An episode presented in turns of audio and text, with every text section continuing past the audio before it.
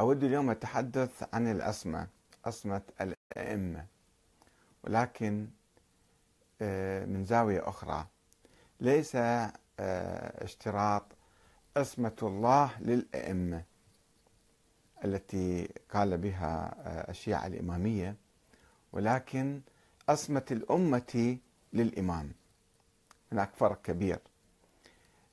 مع الأسف هذا موضوع العصمة عصمة الإمام كان موضع جدل بين متكلمي المسلمين وبين الطوائف آه، عبر التاريخ وإلى الآن.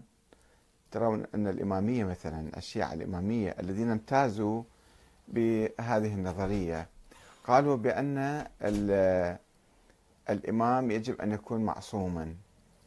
معصوما من, من أين؟ من الله. طبعا قالوا بهذا الكلام كان كلامهم معقول في مواجهة الحكام المستبدين الأمويين والعباسيين الذين كانوا يحكمون بصورة مطلقة ويطالبون الناس آه، بطاعتهم طاعة مطلقة حتى لو أمروا بالباطل.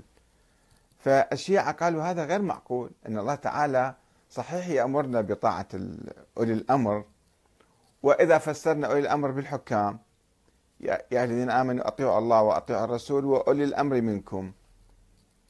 ولكن هذه الطاعة آه، يعني مو معقول أنه الحاكم حتى لو أمرنا بالباطل قام بحرب عدوانية مثلا ظلم الناس آه، أمر بالباطل يجب أن نطيع هذا الحاكم. مو معقول هذا الآية لا يمكن أن نقبلها بهذا التفسير.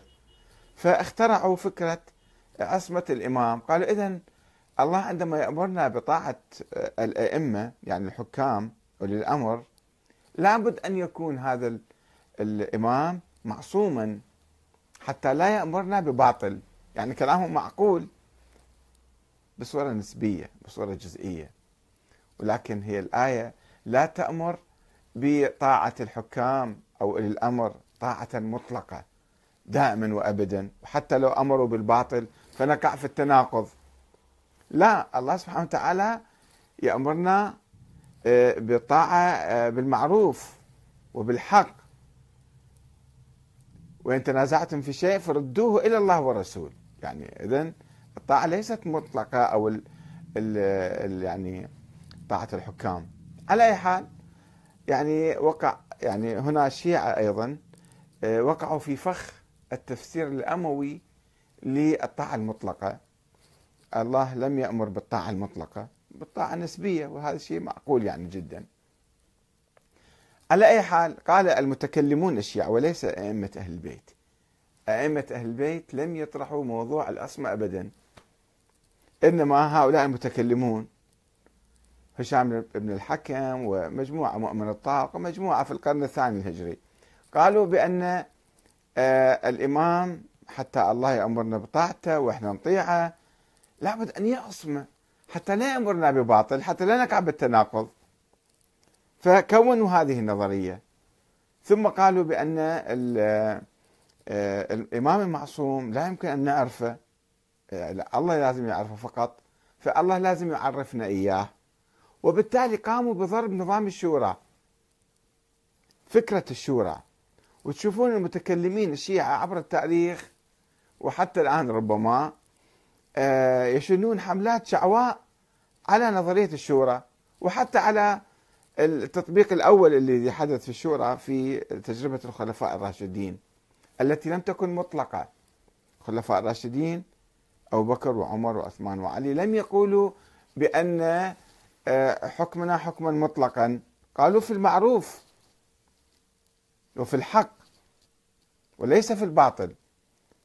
فمع الأسف الشديد انحرف التيار الفكري عند المتكلمين الإماميين فقالوا بأن آه، آه، الله يعصم وبالتالي من هذه النظرية اللي افترضوها فرضية هي فرضية غير واقعية وغير حقيقية ولا علاقة لها بأهل البيت. فقالوا إذا آه، بالنص نظرية النص أنه لا يمكن الإمام إحنا ننتخبه. لأنه يكون غير معصوم وبالتالي قد يرتكب خطأ وبالتالي قد يأمرنا بباطل ونقع في مطبات. فألغوا نظرية الشورى.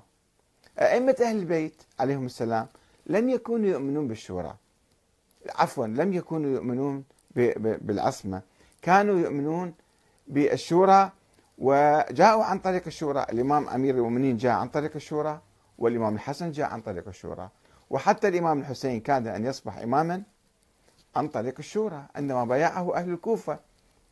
أرسل رسول وبايعوه وبالتالي هو قدم وأراد أن يشكل دولة وحكومة وإمام يكون عبر الشورى. لم يقل لهم بأني منصوص الطاعة من الله وأنا معصوم. كل هذا الكلام ما كان موجود في آه، في الأجيال الأولى. بعد ذلك بعد أن قال الإماميون بأن الحكام يعني الأئمة يعني الحكام آه، يجب أن يكونوا معصومين. ومنصوص عليهم ركبوا هاي النظرية على أهل البيت. هم ركبوها. قالوا هؤلاء الذين نص عليهم الله واحد بعد واحد.